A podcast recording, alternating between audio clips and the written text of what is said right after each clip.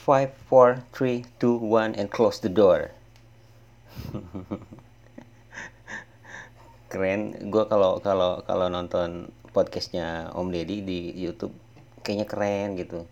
Apa eh, ngob- pertanyaan-pertanyaan dari Om Deddy juga bagus-bagus gitu. Terus eh, peralatannya juga proper banget. Kayaknya keren sih. Dan eh, beliau juga salah satu inspirasi gue buat buat bikin podcast kayak gini sih. Walaupun belum belum berani buat interview orang. Belum belum berani sih. Ngomong sendiri aja masih nggak jelas. Eh di episode kali ini gue kayaknya bakal bakal lebih banyak cerita sih daripada daripada ngebahas sesuatu. Istilahnya gue bakal curhat tentang apa-apa aja yang ada dalam pikiran gue saat ini bukan bukan dari apa-apa yang menjadi keresahan gue seperti episode-episode gue sebelumnya. Bukan juga yang sesuatu yang lagi rame belakangan ini sih. Gue juga kayaknya jarang juga sih malah nggak pernah sih ngebahas sesuatu yang lagi viral saat ini. Nggak sih nggak nggak. Gue gua nggak nggak nggak ke sana sih. Itu biar orang lain aja. Eh ya gitu tadi. Sebenarnya gue di podcast juga lebih suka ngomongin hal-hal yang deket sama gue aja.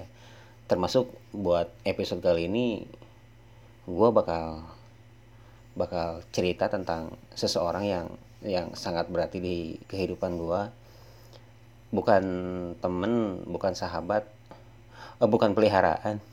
Bukan juga soal pacar dah ada gue juga lagi jomblo kan sekarang.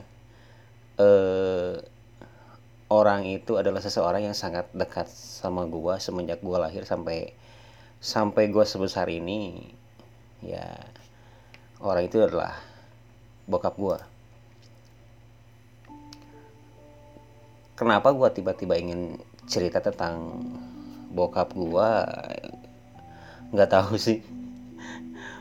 Eh gue gue juga bukan tipe orang yang yang ingin atau selalu bercerita tentang kehidupan pribadi gue apalagi di podcast uh, yang semua orang bisa tahu dan dengar kan.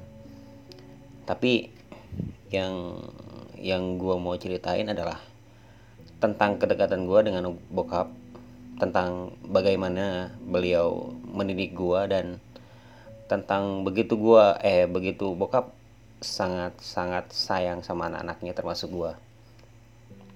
Itu makanya eh, kayaknya gua mesti meminta maaf lahir batin sama sama semua orang yang dengerin sekarang. Karena kayaknya kalian gak bakal dapat hikmah apa-apa sih dari podcast gua kali ini. Karena ini murni cerita bukan bukan bahasan dari keresahan gua tapi mudah-mudahan cerita gue bisa bisa menginspirasi kalian semua untuk lebih lebih menyayangi ayah ayah kalian ketika masih ada ataupun udah nggak ada. Eh dan mari uh, gue awali cerita ini yang yang sepertinya bakal panjang dan membosankan nggak tahu. Ini for you, for you info aja. Gue record jam berapa? Jam 12 lebih 15 sih. Hampir uh, mau setengah satu. Waktu di mana biasanya gue udah terlelap dan udah mulai nyaman dengan posisi selonjoran di kasur sambil lihat lihat lihat YouTube gitu. Sebenarnya sih tadi udah mau tidur cuman mata gue melek terus gitu. Bukannya lagi galau atau atau karena apa? Makanya jadi susah tidur tapi kayaknya ada sesuatu yang yang apa ya yang yang ganjel aja gitu. For solid sekitar 15 menit gua udah mau tidur tapi gulang sini gulang sana gitu nggak karuan gitu. Maksudnya gulang guling itu tuh nyari nyari nyari nyaman buat buat langsung tidur. Tapi tapi nggak nemu gua nggak nemu nyamannya gitu. Sampai akhirnya gua nggak nggak tahu kenapa pikiran gua menerawang dalam kegelapan kamar gitu kan. Gua kan kalau tidur nggak bisa banget kalau lampunya tuh nyala kayak kayak panas aja gitu. Makanya gue suka suka gue apa suka gue gelapin suka gue matiin lampunya. Nah pas gelap gelap gitu pikiran gue nggak tahu gimana jalannya langsung langsung ingat sama sosok bokap. Langsung flashback aja gitu bener-bener flashback ke zaman gua masih masih jadi bocah ingusan yang selalu digendong sama orang tua jadi flashbacknya tuh bener-bener ke zaman kecil gitu bukan ke waktu yang yang setahun dua tahun kemarin. Tapi jauh jauh ke waktu gua masih polos dan tak tahu menahu soal dunia yang fana ini. Sejujurnya sih gak banyak kenangan atau momen yang gue ingat sama yang jelas banget uh, tentang kebersamaan gue sama bokap masih kecil.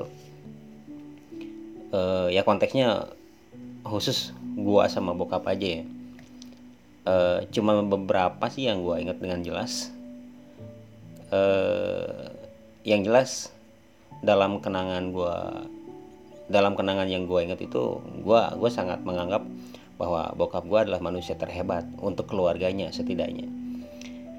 Ya semua anak di Indonesia bahkan di dunia kali ya mempunyai sosok yang yang pastinya dianggap dianggap superhero untuk untuk dia sendiri ataupun keluarganya. Ya gue juga sadar sih walaupun ada juga beberapa orang yang di luar sana yang ketika dia kecil sampai dia dewasa dia nggak pernah merasakan gimana kasih sayang seorang ayah atau atau malah juga dari seorang ibu juga. Tapi seenggaknya dalam hati dan pikirannya pasti dia pasti sangat sangat mikirin dan mem memimpikan betapa indahnya kalau kalau dari kecil sampai dia besar dia selalu didampingi sama orang tua dan nggak pernah tuh ngerasain yang namanya haus akan kasih sayang. Bisa bisa jadi tempat ngadu kalau kalau digangguin teman pasti sekolah gitu kan. Atau atau bisa juga jadi teman berantem kalau lagi pengen main-main gitu kan seru. Makanya eh, gua gua bisa bilang kalau kalau gua adalah adalah anak yang cukup beruntung di antara ratusan anak di dunia ini yang yang tak pernah ngerasa kesepian gitu. Gue selalu ngerasain gimana senangnya kalau bokap gue lagi ada di rumah dan ikut ngajarin gue waktu waktu gue kecil saat belajar pelajaran di sekolah. Gue juga ngerasain gimana keselnya dan takut gitu kalau kalau gue punya salah dan dan bakal dimarahin sama bokap. Dan gue juga bisa ngerasain sih gimana bahagianya gue dan keluarga gue tentunya ketika gue uh, ketika bokap bisa nemenin kita pas lagi liburan atau sekedar kumpul-kumpul di rumah gitu. Kita bukan bukan berasal dari dari keluarga kaya sih. Bokap cuman cuman seorang buruh pabrik di kota Bandung waktu itu dan nyokap juga cuman seorang ibu rumah tangga biasa. Tapi pas zaman gua kecil gua kayaknya sih nggak pernah ngerasain kekurangan apa pun sih soal soal materi khususnya. Da, ya zaman pas kecil kan belum belum waktunya mikirin materi kan. Jadi gua waktu itu ya mikirnya ya kita cukup cukup aja gitu tanpa tanpa tanpa tahu apa yang orang tua gua rasain. E, walaupun sebenarnya gue sekarang sadar bahwa ya mungkin saat itu pikiran bokap pasti pusing pusing pisan lah pusing banget gitu kan. Gimana caranya biar biar anak-anak sama istrinya nggak nggak nggak kekurangan gitu. Walaupun gue akuin gue emang deketnya sama sama nyokap sih.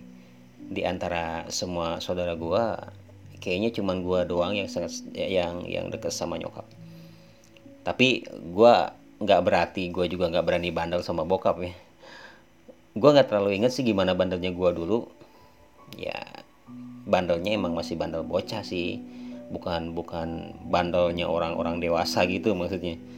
Bandel yang yang yang kalau main tuh nggak nggak nggak nggak apa ya nggak inget waktu gitu. Bisa bisa sampai mau maghrib nunggu nunggu dulu di jewer baru baru balik. Dan keluarga gue termasuk keluarga yang yang di, bisa dibilang nggak mau diem sih. Maksudnya kita selalu pindah-pindah tempat tinggal gitu. Seenggaknya setiap setahun sekali deh kita pindah rumah gitu. Uh, bukan rumah sih tapi kontrakan. Dulu kita ngontrak nggak nggak nggak nggak punya rumah kita. Ya kita selalu pindah kontrakan.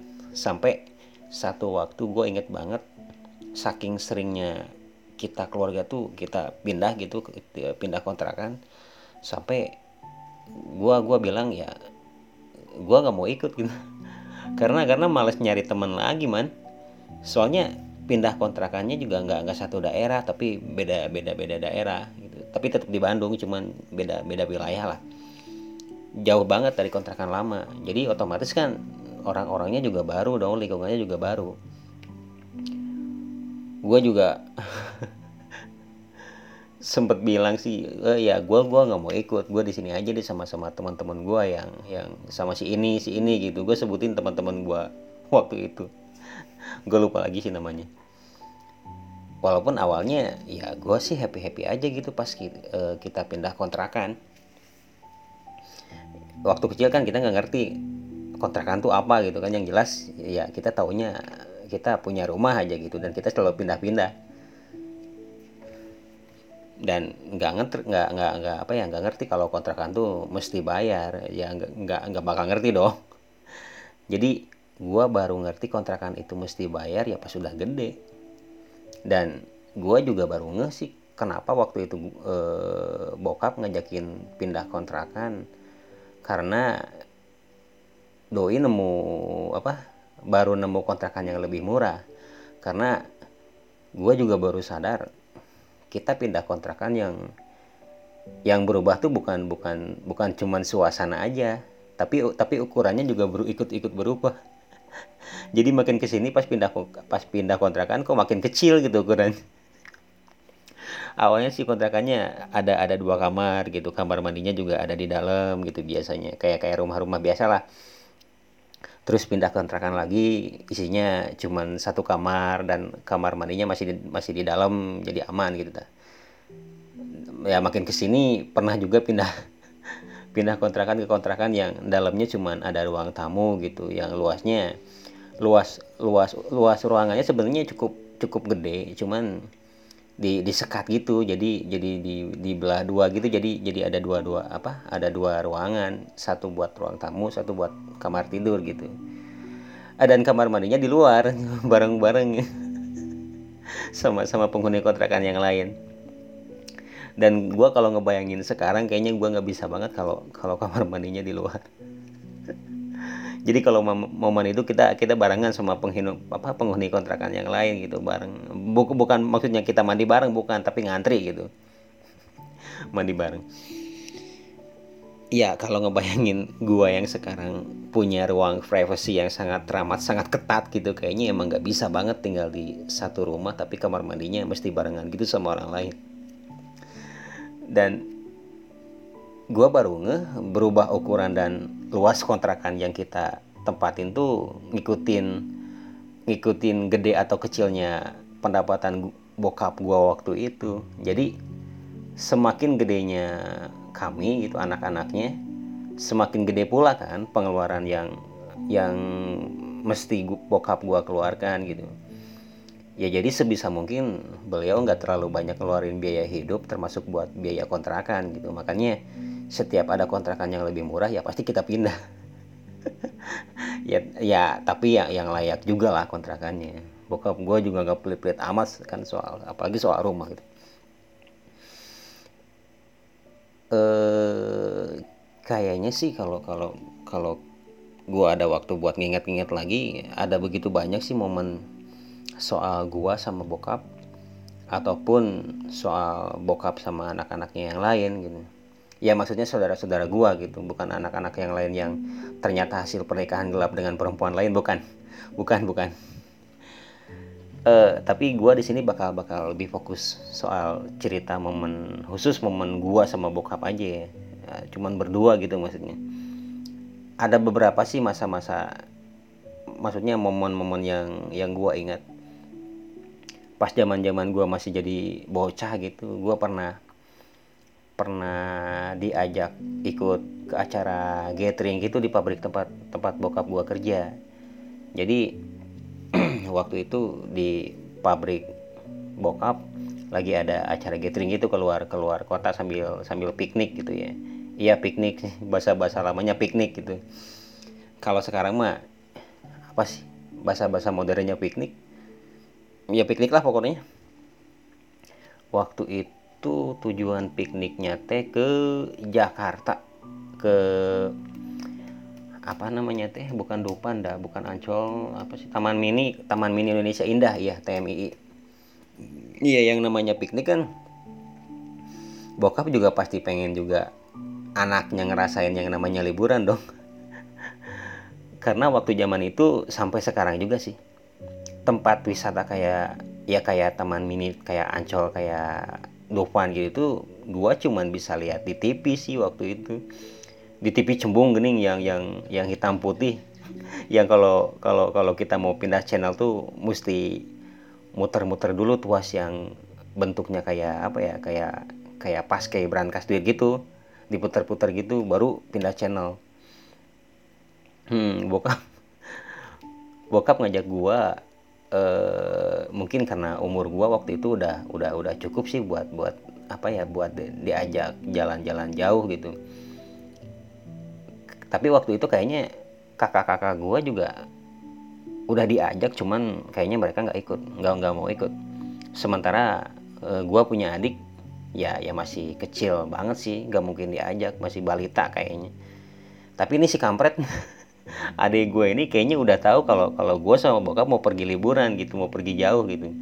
Soalnya semalam atau malam sebelum berangkat tuh kita kita sibuk tuh sibuknya apa nyiapin ini itu buat buat buat dibawa nanti gitu. I- eh, nyokap juga udah nyiapin bekal buat di jalan. Pad- padahal kalau kalau kalau sekarang gue mikir ya ya ngapain sih? Nora anjir Eh, maksudnya ya segala disiapin itu bu- buat buat apa gitu. Dari sana juga kita nggak nggak bakal nginep. Ya kalaupun lapar di jalan udah pasti dikasih makan juga kan. Nggak mungkin nggak mungkin ditelantarin gitu. Tapi yang namanya orang kampung yang baru sekali ini mau piknik keluar kota kan pasti rada katro ya kan. Dan dan seperti orang-orang katro lainnya yang kalau besoknya mau piknik jauh malamnya tuh pasti nggak bisa tidur.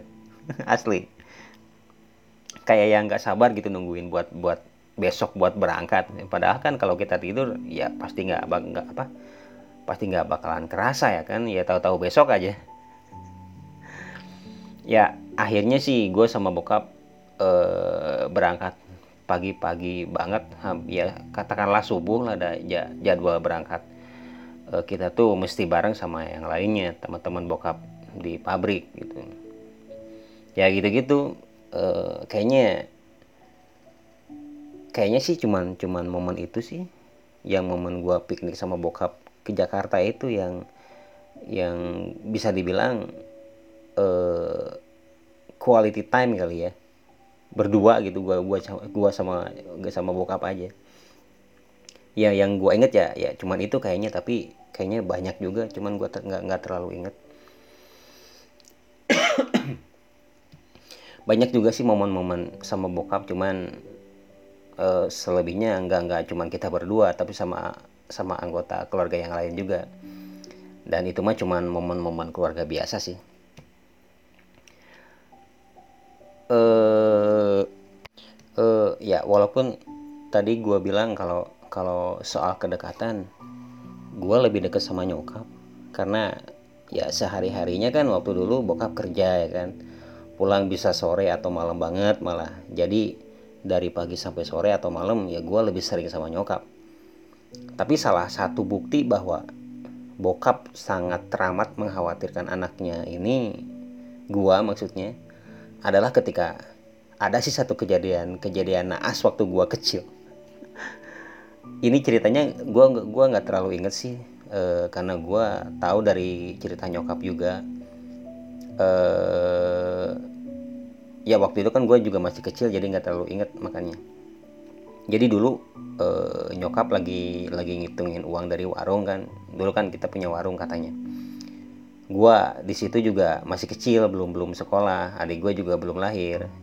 Yang kata nyok kata cerita nyokap sih waktu itu gua lagi main-main uang apa? Lagi main-mainin uang sama lagi main-mainin uang recehan yang koin gitu kan sementara nyokap lagi ngitungin uang yang gede-gede. Eh yang namanya bocah ya kan apa aja suka dimasukin ke mulut anjir.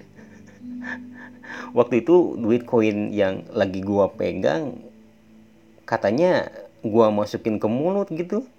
Ya di apa dikulum gitu dan dan dan dan ketelan ya masuklah ke tenggorokan gue entah entah gimana rasanya gue juga udah lupa.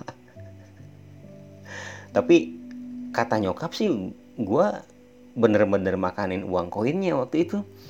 Dan entah masuk ke perut atau nyakut di tenggorokan tapi uangnya udah udah nggak ada nggak ada di mulut gue waktu waktu waktu nyokap panik gitu ngeliatin ngeliatin gue yang makanin di mulut gue tuh udah udah udah nggak ada koinnya kayaknya udah masuk ke perut gue dan ngelihat anak yang makanin koin ke mulutnya dan ketelan panik lah nyokap ya kan? Waktu itu katanya bokap lagi lagi lagi masih kerja ada ada masih siang. Dan dapat kabar dari dari nyokap soal gue eh, bokap tuh kerja di bagian mesin gitulah teknis mesin.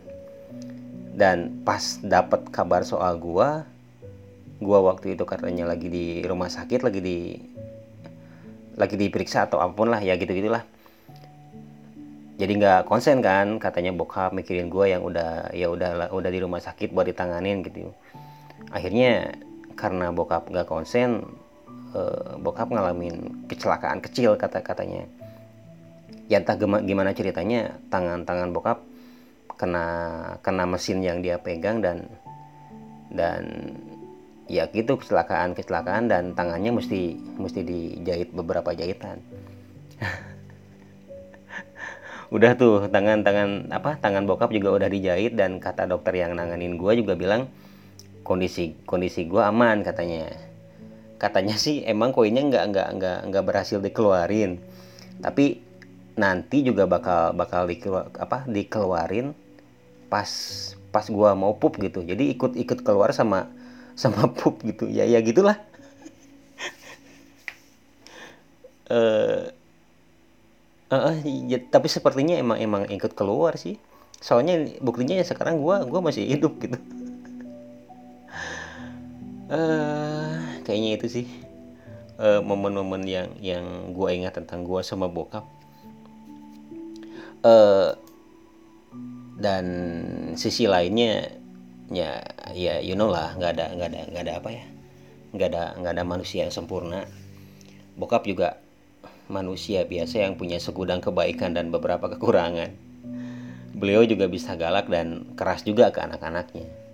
Tapi seumur umur gua nggak pernah sih nerima perlakuan kasar apa pun dari dari dari bokap seingat gua. Pernah sih beberapa kali beliau keras gitu tapi nggak nggak sampai pernah eh apa nggak nggak pernah sampai mukul atau atau nampar gitu. Nggak garingan tangan sama sama anak-anaknya. Eh udah itu uh, itu waktu gua kecil gitu sampai akhirnya kita semua mesti pindah lagi. Dan ini kayaknya terakhir deh. Uh, gua gua gua pindah rumah gitu. Eh, dari dari Bandung kita ke Subang ke kota yang gua tinggalin sekarang kota yang haredang yang bisa dibilang jadi masa transisi gua dari dari bocah ke remaja remaja ke dewasa. Tapi sebenarnya walaupun kita se, apa kita sekeluarga pindah bokap nggak nggak nggak apa ya nggak nggak nggak ikut pindah. Beliau tetap kerja di Bandung dan ternyata sih kita tinggal di rumah nenek e, ibunya dari nyokap ya karena emang jaraknya jauh kan dari dari Bandung ke Subang jadi bokap nggak nggak rutin nemuin kita di Subang bokap nggak nggak rutin pulang gitu. Ya karena emang nggak mungkin juga sih tiap hari bokap pulang apa pulang pergi Subang Bandung gitu buat buat pulang kerja. Jadi doi nemuin nemuin kita atau pulang ke Subang tuh seenggaknya seminggu sekali. Bahkan malah bisa sampai sebulan sekali. Ya karena buat buat pulang seminggu sekali kayaknya bisa ngabisin ongkos gede juga sih jadi kasihan. Jadi rutinnya rutinnya bokap pulang ke Subang tuh ke kita tuh sebulan sekali. Jadi pas gajian kayaknya. Dan di kota yang baru juga di sini di Subang begitu gua udah mulai beranjak dewasa gue juga jadi sering ngeliat bokap sama nyokap sering berantem sih. Uh, sebenarnya waktu-waktu masih tinggal di Bandung juga sering lihat sih. Tapi di sini justru lebih sering. Dan dan oh iya gua gua juga mau ngingetin buat kalian eh mungkin di usia kita yang sekarang atau atau paling enggak yang seangkatan lah mungkin udah udah nikah dan punya anak kan. Ya saran dari gua saran dari gua kalau kalian udah punya anak dan kalian lagi ada masalah di rumah tangga kalian akan sangat fatal kalau kalian sampai berantem di depan di depan anak kalian. Apalagi kalau berantemnya sampai adu mulut atau bahkan sampai main tangan. Aduh jangan jangan sampai di, di depan anak kalian. Karena itu bakal ngefek sih impactnya impactnya ke ke kesehatan psikologis anak. Gue gue nggak nggak ngerti sih istilahnya apaan. Tapi yang yang sering gue rasakan ketika gue ngelihat dengan mata kepala gue sendiri pas orang tua lagi berantem hebat tuh ada ketakutan luar biasa yang gue alamin dan gue rasain gitu. Semacam trauma kecil lah. Karena ya gue ngelihat pemandangan itu tuh sangat-sangat sering sih. Jadi eh, ini buat lulu daripada nyik sahabatin si anak ya kan? Ya mending jadi bijaksanalah saat saat kalian sedang berada dalam kondisi rumah tangga yang sedang eh, tidak baik-baik saja eh, sampai mana barusan deh sampai oh orang tua orang tua berantem ya? Hmm. iya jadi gitu di, di di kota ini gue jadi sering lihat bokap sama nyokap berantem. Uh, pas pindah ke Subang tuh gue sekitar umur berapa sih? 6 atau 7 tahun kalau nggak salah. Pokoknya kelas 3 SD lah. Pas umur segitu gue ngelihat orang tua gue sering berantem di otak gue mulai mikir sih nih bokap sama nyokap kenapa sih berantem mulu? gitu kan. Gue apa kalau jadi orang tua tuh emang emang emang emang gitu atau atau gimana gitu? Gue gue bingung. E, eh, gue belum berpikir bahwa ternyata ya kondisi mereka apa kondisi rumah tangga mereka tuh lagi nggak nggak baik baik aja. Gue gua nggak nggak belum terpikir ke sana gitu. Tapi Eh, nggak uh, ada yang terjadi sih di, di di rumah kami atau di keluarga kami sampai gua udah mulai remaja gitu kan. Waktu itu gua udah udah masuk SMA semuanya SMK adik gua juga udah mulai gede udah masuk SD sementara kakak-kakak gua uh, udah udah udah udah udah apa? Udah kerja di Bandung ik, ik, apa ikut sama bokap. Dan kakak gue yang kedua yang cewek udah nikah dan punya anak di sini tapi. Jadi kondisinya tuh di rumah di sini tuh ada ada ada gua adik gua nyokap sama nenek kan. Karena kita kan tinggal di rumah nenek dan saat itu juga bokap udah udah mulai jarang pulang ke rumah sih kayaknya gua rasa. Sekitar satu atau dua bulan sekali lah. Itu juga kalau pulang nggak nggak lama kayak. Jadi bayangannya hari ini pulang besoknya berangkat lagi kayak gitu. Dan saat gua yang udah remaja dan dan udah punya dunia sendiri jadi makin gak deket sama sama bokap gitu kan. Mengingat bokap udah mulai jarang pulang ke rumah gitu tapi hubungan hubungan gue sama bokap baik-baik aja cuman cuman jarang ngobrol sih.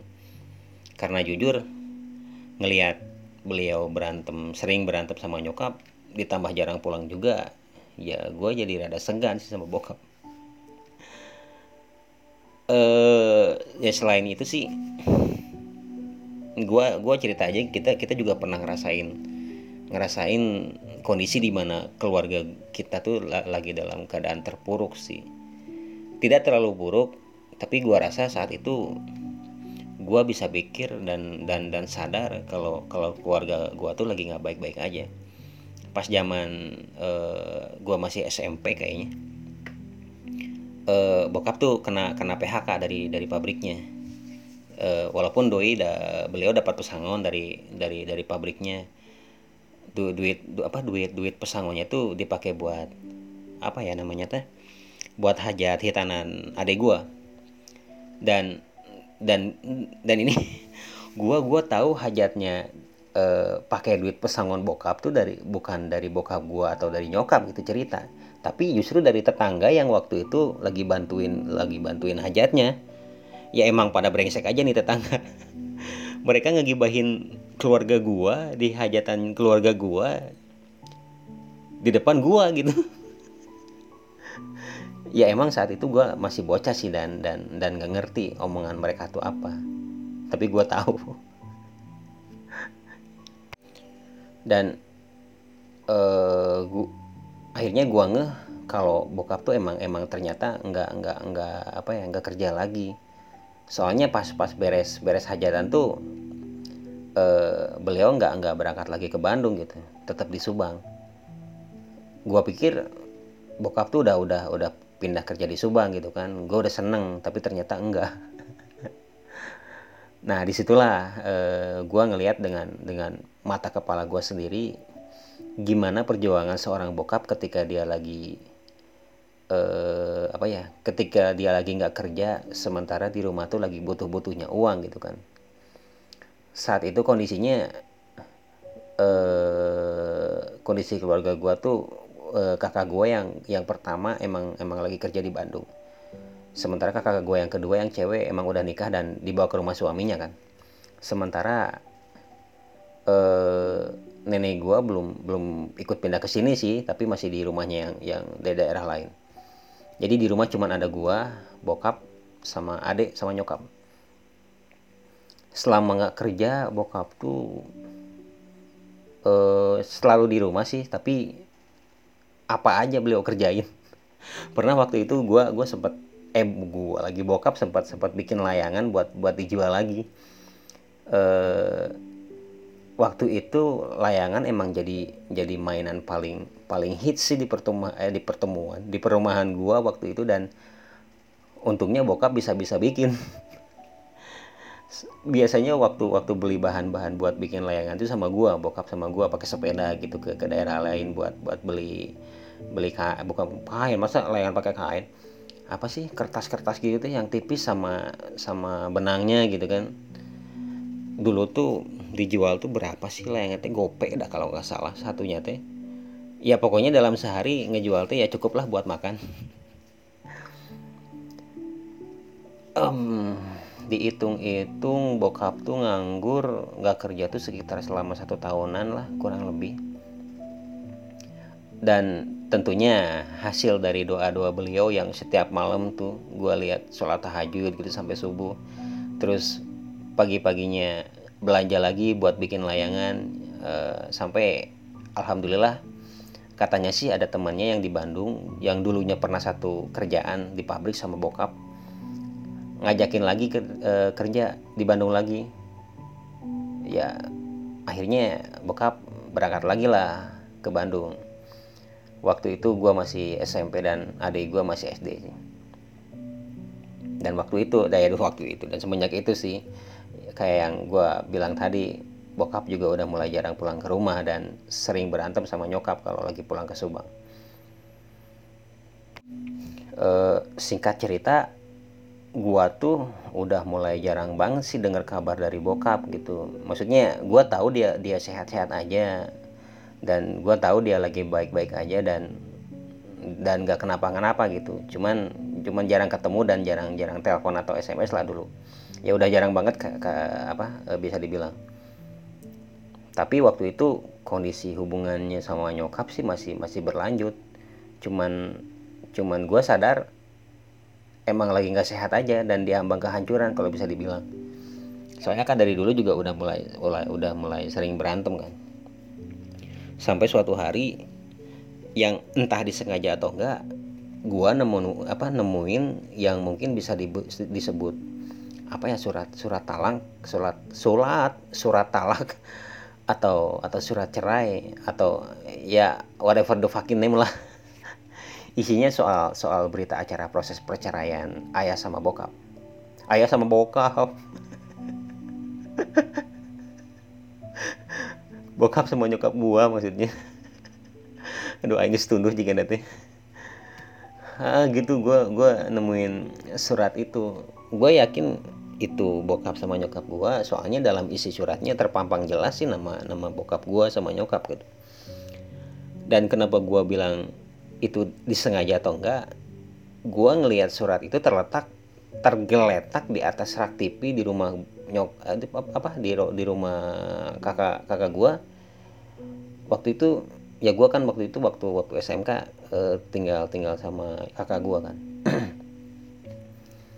Pas lihat surat itu tuh ya gua mikirnya ya ini ini kan surat penting ya kan nggak nggak nggak mungkin juga lah kakak kakak gue teledor nyimpen surat ini di, di, di mana wae gitu di sembarang tempat gitu.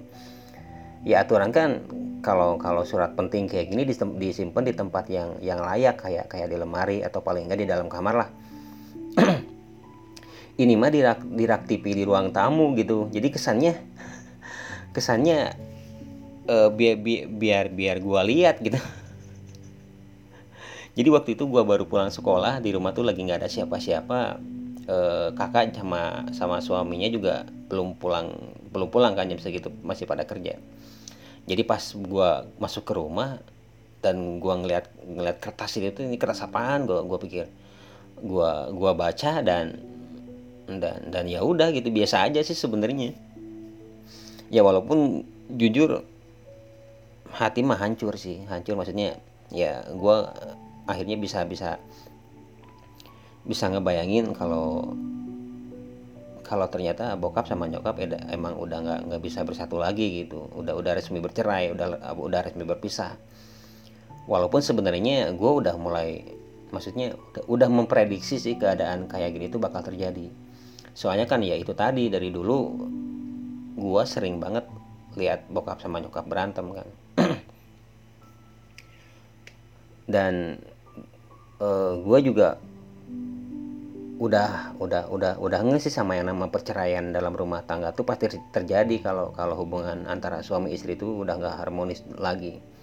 Dan dan beneran aja terjadi pada pada keluarga gue gue mikir ya ya udahlah.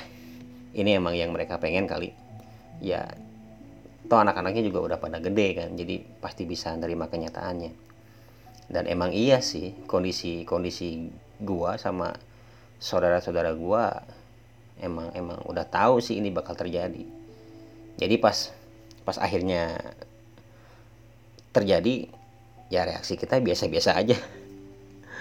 Ya walaupun kondisi hati emang emang emang hancur sih. Cuman kita nggak kita memilih nggak nggak nggak terlalu ngeliatin termasuk gua. Dan ceritanya berlanjut sampai akhirnya bokap juga udah nikah lagi dan nyokap juga sama gitu. Jadi masing-masing udah punya pasangan lagi. Gue nggak nggak nggak punya masalah sih sama hal itu. Gue gua nggak nggak terlalu keberatan gue punya nyokap baru atau atau bokap baru gitu. Gue juga berhubungan baik sama sama bokap tiri atau atau nyokap tiri gue eh mungkin bisa dibilang sih bokap dibilang orang yang paling beruntung duda yang paling beruntung dapetin istri yang yang yang baiknya minta ampun gitu. Jadi nyokap nyokap tiri gua tuh oh sumpah baiknya nauzubillah deh. Alhamdulillah maksudnya. Jadi baiknya tuh nggak nggak cuma sama bokap aja. Jadi baiknya tuh sama anak-anaknya juga. Kerasa banget sama gua. Pas nikahnya juga gua hadir sih untuk untuk e, bokap ya. Kalau pas nyokap nikah gua gua nggak nggak hadir karena sekolah kayaknya. Waktu bokap nikah tuh waktu yang hadir tuh e, ya tentunya dari dari keluarga nyokap tiri kan. Ada ada gua adik gua sama kakak-kakak gua lengkap. Dan belakangan gua gua baru tahu kalau kalau pas nikahan bokap tuh adik gua waktu itu nangis katanya. Ya mungkin dia dia sedih atau terharu ya nggak tahu juga sih tapi kan inilah kenyataannya gitu. Rumah tangga bokap sama nyokap tiri itu bisa dibilang harmonis sih. Gua gua kalau kalau kalau apa ya kalau ke ke rumah mereka gitu suka suka liatin gitu mereka. E, bercanda-canda gitu ya ya ya senang aja gitu liatnya. Gue juga lihat dari sifat mereka yang saling ngelengkapin gitu satu sama lain karena waktu itu juga gue pernah tinggal beberapa lama sih sama mereka sama bokap sama nyokap tiri gue pas udah lulus kerja eh udah lulus sekolah dan langsung kerja di Bandung gue tinggalnya di tempat mereka. Eh mm, jadi itu tadi. Apa sih oh iya uh, oh iya nyokap tiri gue ya baik banget baik banget sumpah. Ya waktu itu kan gue baru lulus sekolah uh, nganggur bentar terus kerja di pabrik di Bandung tinggalnya juga sama mereka. Gue kerja di pabrik yang waktu itu juga ya mengandalkan orang dalam sih. Ya tentunya pakai pakai uang juga. Pakai uang berapa sih? Sekitar 2 juta kalau nggak salah dan uang yang dipakai masuk tuh uang uang nyokap tiri gua. Gua bukan bukan uang bokap uang uang nyokap. Asli. Jadi uangnya udah masuk dan gua ikut tes tes biasa lah cuman buat formalitas saja dan besoknya gua langsung kerja. Dan gobloknya gua waktu itu gua cuma tahan kerja tuh selama tiga bulan kalau nggak salah. Itu pun selama tiga bulan gua kerjanya bolong-bolong banyak banyak bolosnya banyak izinnya pokoknya nggak bener lah sampai akhirnya gue keluar dan balik lagi ke Subang. Waktu itu hidup gue penuh dengan hujatan dari keluarga. Ya emang emang emang gue yang salah sih gue akuin nggak nggak bersyukur gue setelah itu udah tuh gue gua dapat kerja di Subang dan sampai sekarang sih. Udah waktu itu juga udah mulai jarang lagi ketemu sama bokap. Uh, ya tapi tetap tetap sering sih gue kalau nggak sebulan sekali ya dua bulan sekali gue datang ke sana buat nengokin mereka. Terus waktu terus berlalu bokap juga udah udah mulai tambah tua kan. Beliau udah mulai sakit-sakitan. Udah disaranin sih buat buat pensiun sebenarnya dari dari kerjaannya di pabrik kan. Tapi karena satu dan lain hal bokap mutusin buat terus kerja aja katanya walaupun sebenarnya dengan bokap nggak kerja juga ya kita sebagai anak-anaknya kan udah udah udah punya penghasilan yang yang bisa dibilang ya mampu lah buat buat biayain hidupnya buat biayain eh, bokap sama nyokap tiri gua. Tapi ya itu tadi bokap emang emang maunya sendiri sih yang pengen terus kerja. Waktu itu eh, penyakit terakhir yang bokap gue alamin awalnya sih sakit tenggorokan katanya sakit tenggorokan gitu batuk-batuk dan suaranya juga juga parau parau tuh eh, namanya serak-serak itulah. Jadi udah udah udah disaranin sih sama kita diajak ke dokter THT itu. Cuman nggak pernah mau malah terus berangkat kerja. Emang bandel aja ini bokap. Sampai sampai suatu hari bokap udah udah mulai parah sih sakitnya. Ya awalnya sih katanya cuman pusing-pusing biasa. Terus e, malah malah sampai nggak nggak nggak apa ya nggak nggak bisa bangun. Sempat juga dibawa ke rumah sakit dirawat jalan di rumah tapi nggak nggak sempat nginep. Agak mendingan cuman nggak lama kemudian e, sakitnya kerasa lagi katanya. Sekitar at least sebulanan dalam kondisi itu akhirnya ya bokap juga emang udah udah mulai mulai izin dari dari dari dari izin cuti dari pabriknya emang ngerasa kayaknya emang udah udah saatnya buat buat berhenti kerja katanya. Ya kita juga juga men, apa menyetujui itu menyetujui itu kan. Emang kepengen kita itu dari dulu. Eh tapi kabar yang gua dapet bokap dibolehin cuti dulu sampai sembuh. Jadi sebenarnya status dia nggak keluar. Dan kalau bokap udah bener-bener sehat dan siap kerja pihak pabrik tuh memperbolehkan lagi bokap buat kerja kerja lagi gitu kebijakannya. Alhamdulillah sih. Karena bokap kan udah udah lumayan lama kerja di sana jadi ada kebijakan lebih lah buat buat buat beliau. Dan selama masa cuti itu kondisi bokap ya bisa dibilang naik turun sih. Kadang kadang mendingan dan dan malah udah udah bisa nongkrong nongkrong gitu di depan rumah. Ngobrol gitu sama tetangga. Tapi kadang juga bisa bisa kambuh dan nggak sampai nggak bisa bangun lagi. Hmm, karena di di ya dirasa perawatan di rumah nggak memungkinkan akhirnya bokap dibawa lagi ke rumah sakit. Sampai dirawat beberapa hari juga pernah. Sampai akhirnya dirawat. Terakhir itu di rumah sakit Al Islam di Bandung tuh di Soekarno Hatta kalau nggak salah. Kita sekeluarga tuh akhirnya akhirnya apa ya? Akhirnya tahu penyakit apa yang yang yang bokap gue alamin. Sama dokter eh, bokap diponis penyakit kanker otak dan dan udah udah istilahnya udah udah stadium akhir katanya. Dan oh men. Kanker otak yang yang yang gua denger gua dengar istilah penyakit sel itu cuman cuman dari film-film atau atau sinetron yang yang dulu gua suka lihat di TV gitu kan. Dan sekarang malah malah malah bokap gua sendiri yang ngalamin. Uh, sedih sih sedih kaget dan dan kecewa sih berat apa beraduk jadi satu tuh gimana gimana rasanya kan nggak bisa bayangin gue juga. Uh, eh, gue waktu itu emang emang emang lagi di sana buat buat buat apa ya buat buat nengok bokap. Dapat kabar ini juga nggak nggak nggak nggak nggak langsung dari dokter tapi waktu itu dokter ngomong sama kakak gue yang pertama yang paling gede dan dia ngomong sama gue jadi waktu itu ada gua adik sama ponakan-ponakan gua yang udah gede lagi ngumpul gitu di parkiran rumah sakit gitu waktu nengokin bokap malam-malam waktu itu. Di situ kakak gua bilang kalau kalau bokap kan udah udah diponis kena penyakit itu kan.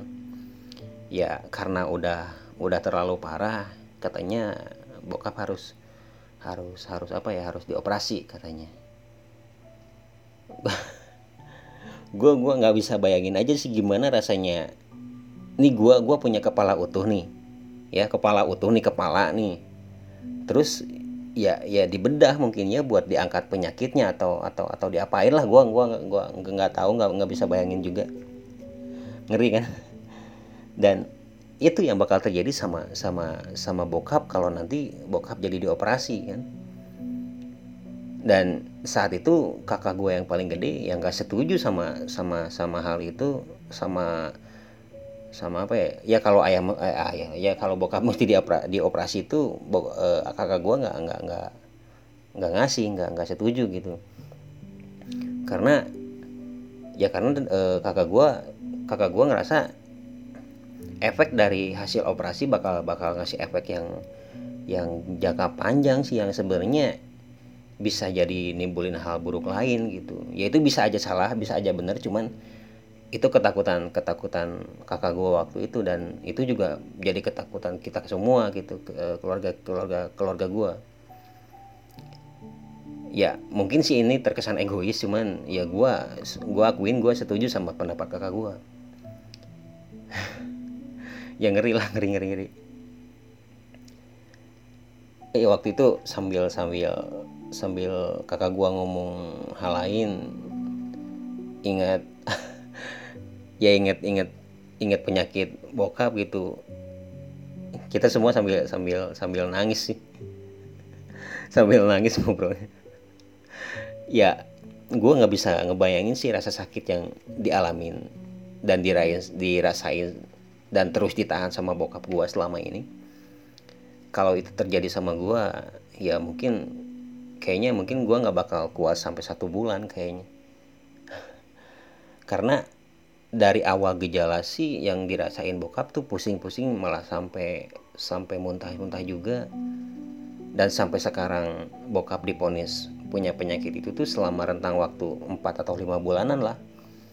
Man lu bisa bayangin sih nahan sakit selama itu gimana rasanya gitu. Dan bokap bisa sampai tahan tahan sampai selama itu. Gue nggak bisa bayangin ke sananya makanya ya ya, ya gue nggak bisa ngomong apa-apa saat itu selain selain selain nangis sih. Sedih juga dan kasihan juga sama bokap gue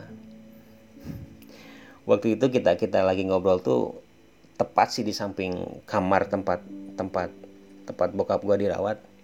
Jadi jadi bayangannya gini eh, bokap gua tuh di, di dirawat di lantai dua. Dan di bawahnya tuh tempat di samping di samping kirinya ada tempat parkir mobil yang yang waktu itu kita lagi ngumpul. Uh, yang ngumpul ngebahas soal penyakit bokap gua. Waktu itu bokap lagi ada di balkon kan di atas. Dari bawah pasti kelihatan uh, di depan ruangan kamarnya. Ditemenin sama nyokap tiri gue dan kakak gue yang cewek dan jelas gue yang di bawah bisa lihat dia di atas lagi ngobrol juga sih. Sama sama nyokap tiri gue lengkap dengan impusannya yang dinempel di tangan kanannya. Tangan kiri apa tangan kanan sih? Ya pokoknya sambil bawa impusan lah. Gue yang masih yang masih di bawah di bawah apa eh, waktu itu di bawah ya lihat ke atas gitu. Lihat ke atas bokap gue gue yang masih ya masih terisak karena masih nangis kan? Gue juga bisa jelas uh, lihat jelas senyum senyum dari dari bokap gitu kayak nggak terjadi apa-apa gitu.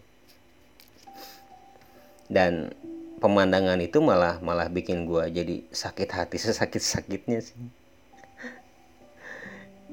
Ya pengennya gue gua lari ke atas gitu dan dan meluk bokap gue tapi nggak gue lakukan karena gue nggak pengen bokap gue tahu apa yang lagi gue gua rasain sih. Dan apa yang lagi gue pikirin gue nggak mau bokap tahu. Karena kita semua sepakat keluarga gue waktu itu sepakat kita nggak pengen bokap tahu soal soal penyakit saya sendiri walaupun sebenarnya mungkin bokap udah tahu juga sih dari dari gejala-gejala dan rasa sakit yang beliau alamin selang beberapa lama kondisi bokap juga mulai mulai apa ya mulai makin memburuk. Sempet juga sih dibawa ke Subang ke sini dan tinggal di rumah gua. Karena waktu itu juga gua udah udah apa ya istilahnya udah ngambil rumah lah. Nggak gede tapi tapi cukup lah buat buat ayah gua tinggal di sana. Selama bokap di sana ya keadaannya sih bener-bener bikin gue pesimis juga sih. Soalnya ya ya nggak bisa makan apalagi bangun kan nggak bisa sama sekali. Sekalinya bisa makan ya gitu keluar lagi gitu. Sekitar kurang lebih tiga bulanan lah bokap tinggal di tempat gua tapi nggak ada kemajuan udah dicoba pengobatan alternatif atau yang modern gitu tapi tetap aja udah kita coba tapi nggak nggak membaik kondisinya. Akhirnya kakak gue yang kedua yang cewek tuh mutusin buat bawa bokap lagi ke Bandung. Dan sebelum berangkat tuh gue sempet bener-bener ngerasa ngerasa ngerasa apa ya ngerasa frustasi sih ngelihat ngelihat bokap gue yang sambil berangkat masuk mobil gitu dibopong di di pangku gitu sampai muntah-muntah terus. Ya pokoknya bener-bener nggak berdaya lah. Dan gue sempat ya sempat mikir ya udahlah bokap bokap di sini aja lah. Pokoknya sembuh nggak sembuh gue gua pengen pengen pengen bokap tuh di sini sama gue gitu. Nggak nggak perlu nggak perlu ke Bandung lagi ngapain gitu tapi ya ya kita juga mesti ikhtiar kan. Dan saat itu gue sadar gue gue beruntung punya keluarga yang yang gak egois gitu. Gue yang cuman mampu doain dari jauh punya juga saudara kandung yang yang sampai habis-habisan ngusahain bokap buat sembuh. Dan berangkatlah bokap pulang lagi ke Bandung gitu kan sampai sempat juga jalanin beberapa perawatan alternatif seperti di Subang yang sampai dokternya datang ke rumah. Soalnya kan kalau sampai bokap yang berangkat nggak nggak mungkin banget. Jadi waktu itu dokternya sempat beberapa kali datang ke rumah. Gue juga sempat beberapa kali datang ke Bandung buat buat jenguk bokap yang kondisinya udah udah benar-benar memprihatinkan sih kalau kalau kalau gua bil apa kalau gua boleh bilang. Ya ya nggak nggak ada perubahan gitu. Jangankan buat makan kan bangun aja udah nggak bisa. Mulut pun udah udah nggak nggak banyak bergerak kayaknya. Mungkin udah udah lemah juga sistem syarafnya gue juga udah udah nggak nggak tahu lagi mesti gimana mesti ngehibur apa biar biar bokap optimis buat buat sembuh untungnya waktu itu ada kakak gue yang cowok yang pertama sih yang bisa lebih tegar gitu bisa lebih bisa menghibur bokap. Waktu itu pernah juga sih eh, kakak gua tuh yang pertama ngajak ngajak ngobrol ke ke bokap gua tuh. Kita kita lagi lagi ngumpul-ngumpul biasa lah. Ya walaupun bokap nggak nggak banyak jawab tapi kakak gue yang pertama tuh terus aja terus tetap ngajak ngobrol gitu. Biar biar bokap nggak nggak banyak ngelamun waktu itu teh kakak gue ngajakin ngobrol soal burung kalau nggak salah.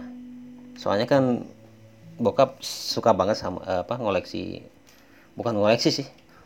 Maksudnya miara miara miara miara burung sampai hampir eh pernah sampai hampir puluhan puluhan puluhan ekor tuh. Ya pokoknya hobi banget lah sama burung. Kakak gue bilang kalau bokap sembuh nih doi bakal ngajakin bokap buat beli burung jenis apa ya dulu teh? Lovebird kalau nggak salah lovebird yang yang waktu itu tuh lagi lagi hits hitsnya lah dan pastinya mahal kan. Gue yang yang nggak tahu nggak tahu menahu soal burung. Tapi pas pas kakak gua ngejelasin soal keistimewaan burung lovebird tuh bokap bokap jadi bokap ng e, ngangkat tangannya ngangkat tangannya dengan susah payah dan ngasih tanda jempol gitu ke arah gua. Seakan-akan bilang ya lovebird tuh emang emang burungnya bagus dan mahal. Seakan-akan bokap bilang kayak gitu. Gue yang lihat gestur bokap. Kayak gitu ya ketawa sih. Tanda gue setuju dan paham sama sama apa yang pengen bokap bilang ke gue walaupun dalam dalam kondisi tawa gue itu ya tersirat juga sih perasaan sedih perasaan sedih yang teramat sangat ngelihat kondisi gue ayah eh, apa kondisi bokap gue sekarang. Beberapa hari berselang terus berlalu. Gue juga udah pulang ke Subang dan sibuk sama kerjaan gue tapi gue selalu nanyain ke kakak gue yang cewek kan dia udah mulai di sana karena karena pengen mantau kesehatan.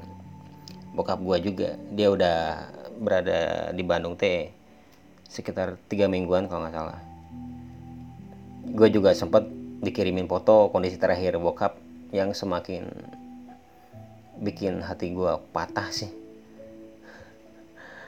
Kondisi terakhir yang waktu itu dikirim sama fotonya dikirim sama kakak gue yang cewek tuh ya kalau bisa dibilang kondisi badan bokap udah udah kurus kering seperti kayak ya ya bener-bener kurus.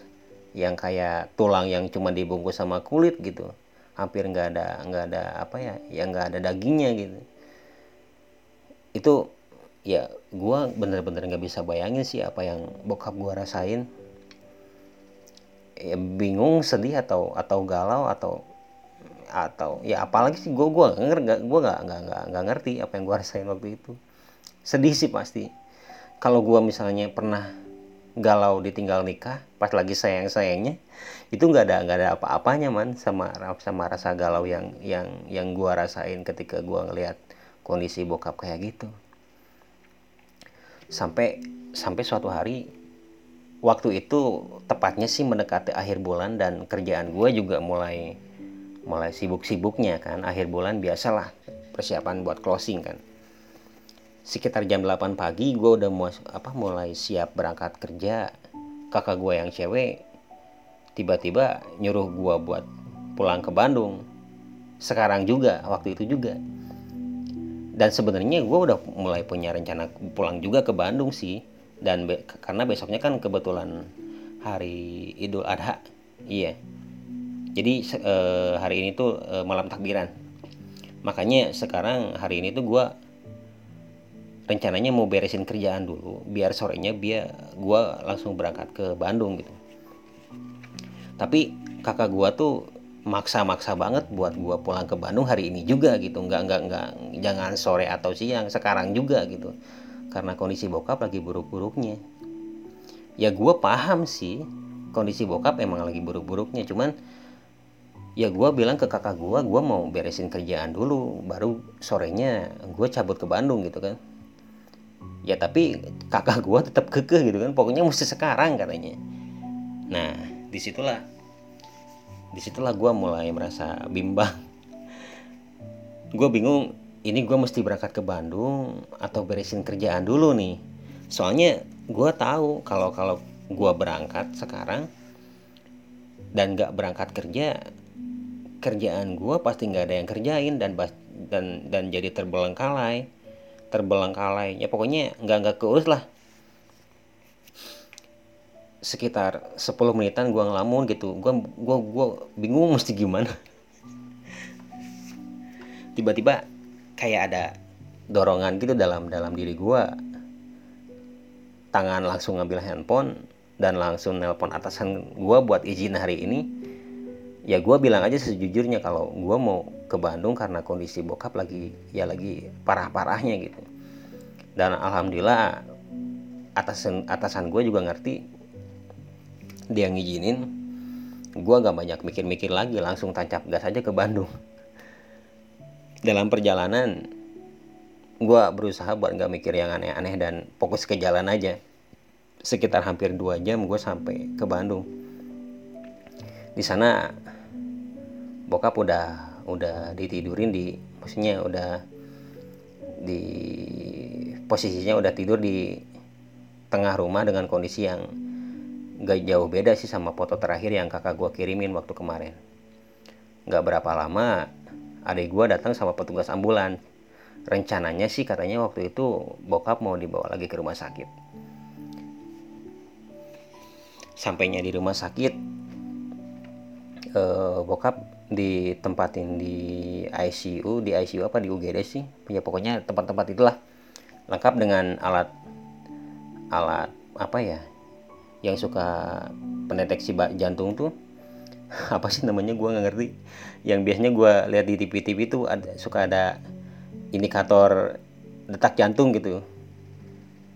Yang begitu dinyalain grafiknya uh, ada gitu tanda tanda-tanda bahwa ada aktivitas uh, soal jantungnya dan jantung bokap gue waktu itu masih masih berfungsi. Karena ada grafiknya yang naik turun gitu. Gue nggak ngerti itu stabil atau enggak tapi ya gue yakin ada ada ada tanda bahwa jantung ayah gue masih berdetak normal gitu. Dan itu nggak nggak nggak nggak nggak nggak berpikir apa nggak nggak nggak nggak membuat gue berpikir yang aneh-aneh. Dan sejauh ini gue tetap optimis. Terus kayak gitu dokter dan perawat datang silih berganti buat meriksa kondisi bokap gue mereka juga ya biasalah nyatat-nyatat gitu di di kertasnya gitu. Ya gue ngerti lah e, waktu itu di ruangan tuh ada gua adik gua sama sama kakak gua yang cewek dan nyokap tiri gua nyokap tiri gua waktu itu nggak nggak berhenti nangis sih gua ngerti sih beli e, nyok, apa nyokap tiri gua tetap di samping bokap gua waktu itu sementara gua pun gak bisa ngebendung rasa sedih gua sih ngelihat ngelihat ngelihat bokap gua terbaring gak berdaya gitu di sana dengan lengkap dengan peralatan medis yang dicolok ke sana ke sini di anggota tubuhnya. Uh,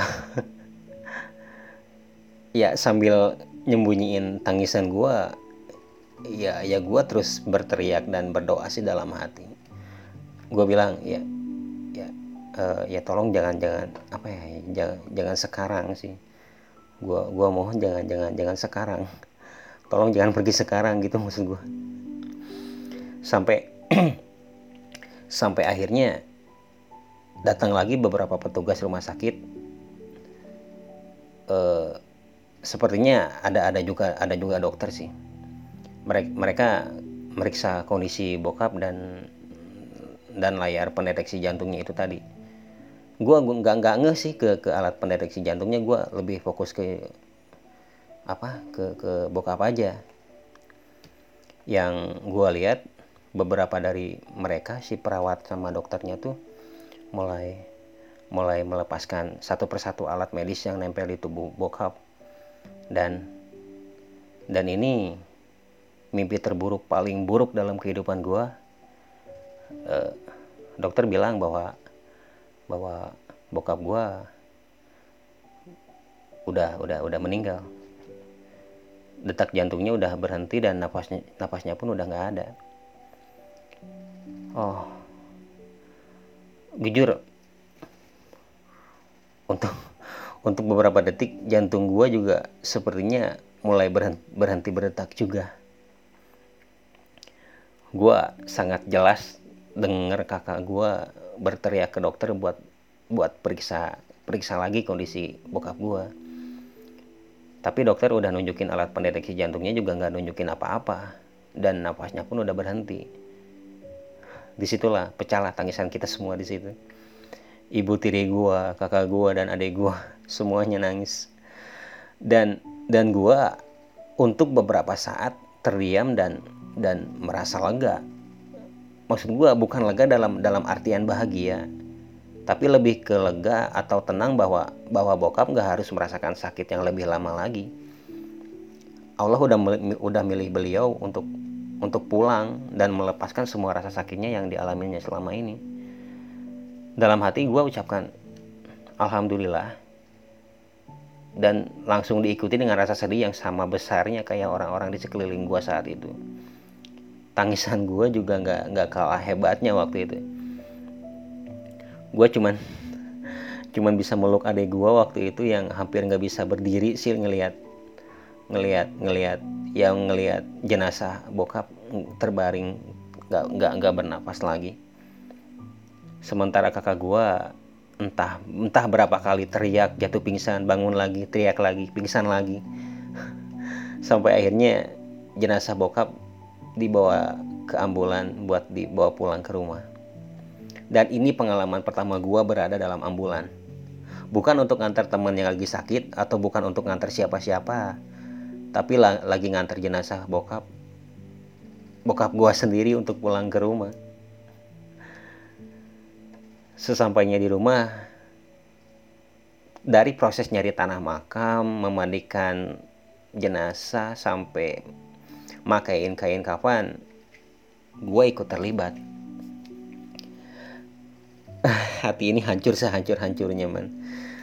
Tapi yang tapi ya gue pengen ngelihat bokap dari detik ini sampai bener-bener nggak mungkin bisa lihat lagi. Gua gua gua gua pengen aja gitu. Uh, ya. Waktu di tangan ini tangan gua bener-bener lemes pas bantuin makein kain kafan ke bokap. Gua nggak tega liatnya. Adik gua juga yang tadinya ikut bantuin sampai nggak nggak bisa lagi nggak nggak nggak tahan lagi dan akhirnya dia nangis juga sementara kakak gue yang cewek masih nggak nggak bisa terima kenyataan. Dia terus meronta bahwa katanya ayah ayah apa bokap nggak nggak nggak nggak boleh dibawa ke mana-mana.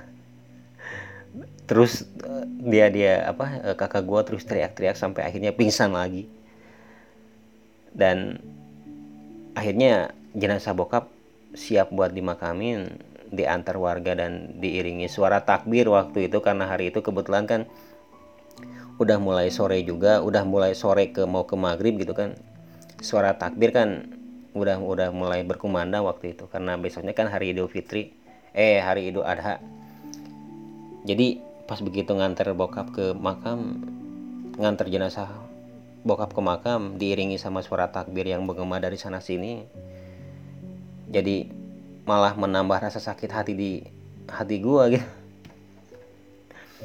Pas keranda dibuka dan jenazah bokap mulai diturunin ke liang lahat, gua yang tadinya berusaha untuk tegar, nggak mampu juga sih lihat pemandangan yang yang yang nggak pengen gua lihat.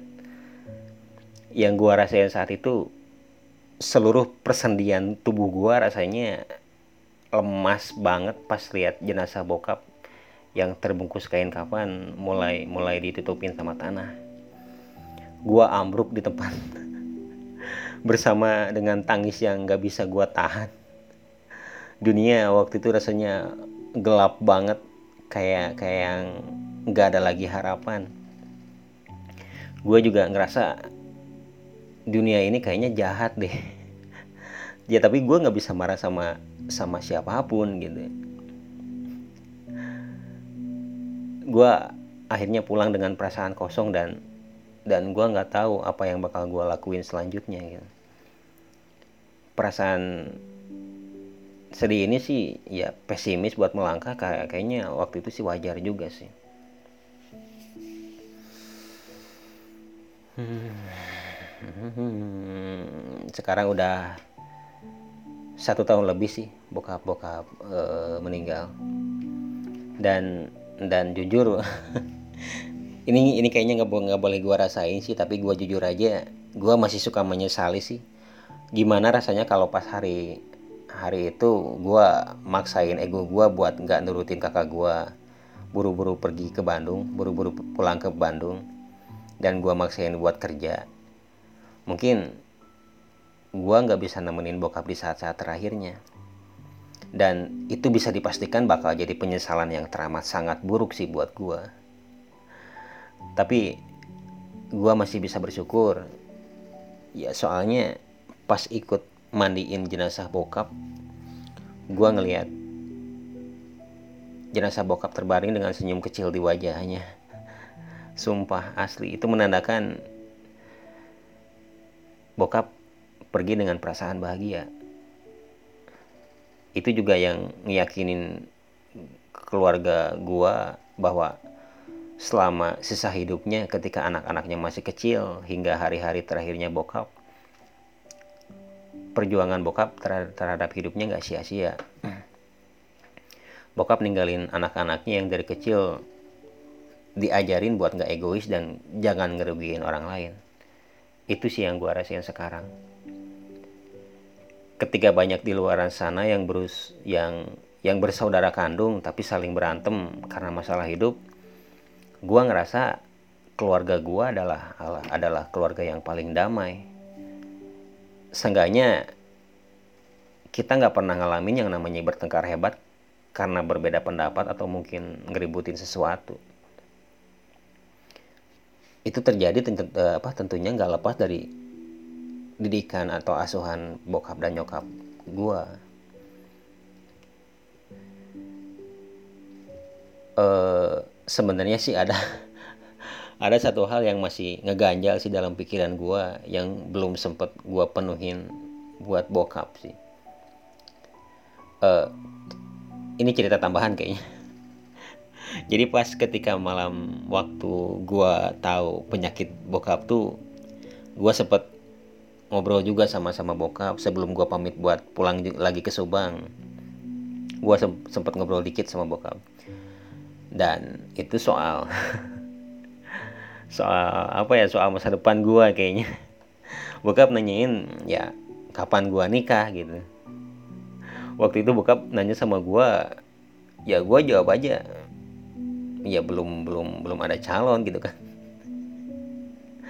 Ya gue waktu itu ngomongnya sambil sambil bercanda juga sih. Tapi eh, kali ini gue sadar bahwa pernyataan pertanyaan bokap waktu itu bukan bukan bukan sekedar pertanyaan basa-basi. Itu serius sih. Ya gitulah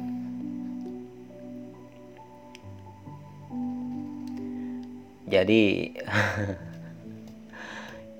itulah kisah panjang gua sama bokap gua. Gua akuin tidak begitu menarik sih tapi tiap tiap orang kan beda-beda persepsinya bagi lo tidak menarik tapi bagi gua ini cerita yang harus gua ingat sepanjang hidup gua sih. Makanya gua record dan upload di Spotify mungkin juga nanti di YouTube. Seenggaknya buat jadi dokumentasi online gua pribadi sih. Jadi ya gitu sih hikmahnya. Hikmahnya apaan ya? Ya semoga aja sih buat kalian yang masih punya orang tua lengkap. Gua saranin sih ya sayangin deh sayangin dari sekarang nih mumpung masih ada ya mending bahagia bahagiain lah gimana pun caranya. Cobalah untuk menjalani menjalin hubungan yang baik dengan keluarga lu sendiri terutama dengan orang tua kita sendiri. Karena kalau udah nggak ada ya kita bakal nyesel senyesel nyeselnya sih ditinggalin dalam keadaan yang nggak baik gitu. Saran dari gua buat lu yang lagi jauh sama orang tua lu banyakin ngasih kabar deh. Lu yang lagi nggak punya duit ya nggak emang yang nggak bisa ngirim ke orang tua lu dengan lu nanyain kabar dia itu juga udah udah udah jadi bikin apa udah jadi hal yang bikin bahagia, bahagia dia sih. Asli. Dan buat lu yang sekarang lagi tinggal sama orang tua ya banyak-banyakin ngobrol kayaknya. Ya dengan begitu lu tahu isi hati mereka mereka juga tahu isi hati lu. Jadi lu bisa tahu cara buat bikin mereka bahagia. Gitu aja sih. Mungkin gue juga nanti bakal cerita soal kedekatan gue sama ibu gue ya insya Allah lah nanti bakal bersambung lagi. Jadi sekali lagi bahagiakan orang tua lu selagi mereka ada. Doakan mereka selalu sehat dan elunya juga mesti berusaha untuk sehat kan. Dan doakan gue juga untuk selalu sehat. Kita semua sehat kan? Kita juga semua senang kan ya gue doakan kalian selalu bahagia sama keluarga kalian. Sekian dan atur nuhun